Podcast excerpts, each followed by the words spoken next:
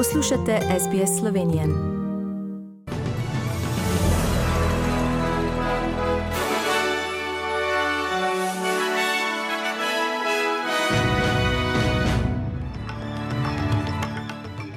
V poročili 26. marca 2022. Kitajska je svoje varnostno sodelovanje s Salomonovimi otoki zagovarjala kot normalno in v skladu z mednarodnim pravom.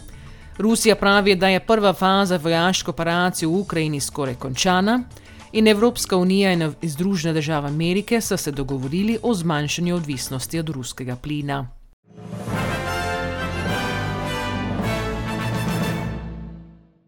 Kitajska je svoje varnostno sodelovanje s Salomonovimi otoki zagovarjala kot normalno in v skladu z mednarodnim pravom, potem ko je bil spošten dokument, ki kaže, da povečuje vojaško prisotnost v državi. Osnutek dogovora med državama bi omogočil, da so kitajske ladje v Pacifiku, kot tudi mornariško bazo manj kot 2000 km od avstralske obale. Prej za obravnav vsebine dokumenta avstralsko ministrstvo za zunanje zadeve in trgovino je izdalo izjavo, da Avstralijo bi skrbelo kakršnokoli ukrepi, ki bi destabilizirali varnost naše regije. Predstavnik kitajskega zunanjega ministrstva Wang Wenbin pravi, da so avstralske skrbine potrebne. Rusija pravi, da je prva faza vojaške operacije v Ukrajini skoraj končana.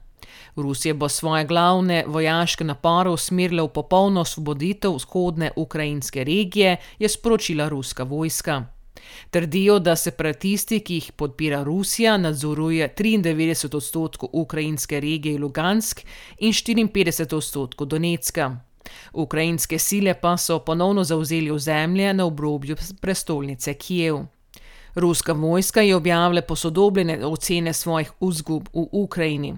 Načelnik glavnega operativnega direktorata ruskega generalštaba Sergej Rudsko je ocenjuje, da je bilo doslej v ofenzivi na Ukrajino ubitih 1351 ruskih vojakov in 3825 ranjenih. Ukrajinska vojska pa trdi, da je umrlo okoli 15 tisoč ruskih vojakov. Evropska unija in Združene države Amerike pa sta se dogovorili o dobavi 50 milijard kubičnih metrov ameriškega utekočinjenega zemeljskega plina Uniji na leto najmanj do leta 2030, so sporočila predsednica Evropske komisije Ursula von der Leyen in ameriški predsednik Joe Biden.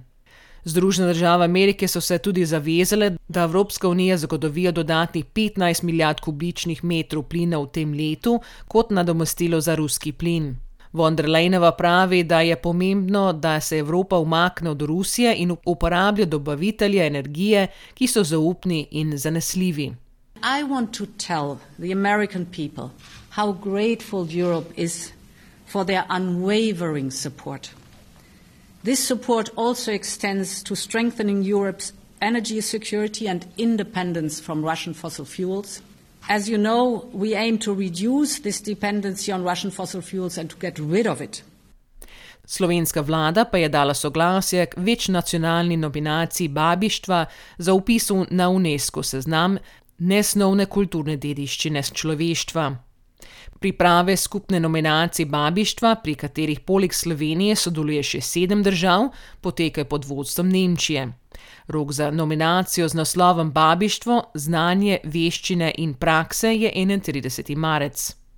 Poleg Nemčije in Slovenije sodelujo še Kolumbija, Cipr, Kirgizija, Luksemburg, Nigerija in Togo. V Sloveniji pa bodo jutri zjutraj menjali uro na tako imenovani poletni čas, tako bo do naslednje nedelje 3. aprila časovna razlika med Slovenijo in Avstralijo 9 ur.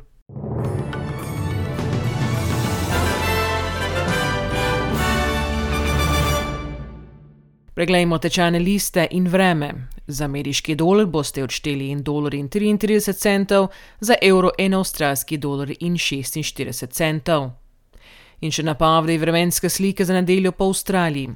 V Brisbaneu bo deževalo 26 stopinj, v Sydneyju bo deževalo 24, v Cambridgeu bo občasno deževalo 23, v Melbourneu bo sončno 27, v Hobartu bo delno oblačno 24, v Adelaidi bo po večini sončno 30, v Pertu bo oblačno 28 in v Darwinu bodo možne plohe do 33 stopinj Celzija.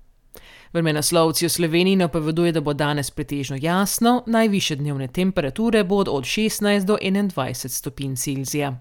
In to so bila poročila medijskih hiš SBS in STA.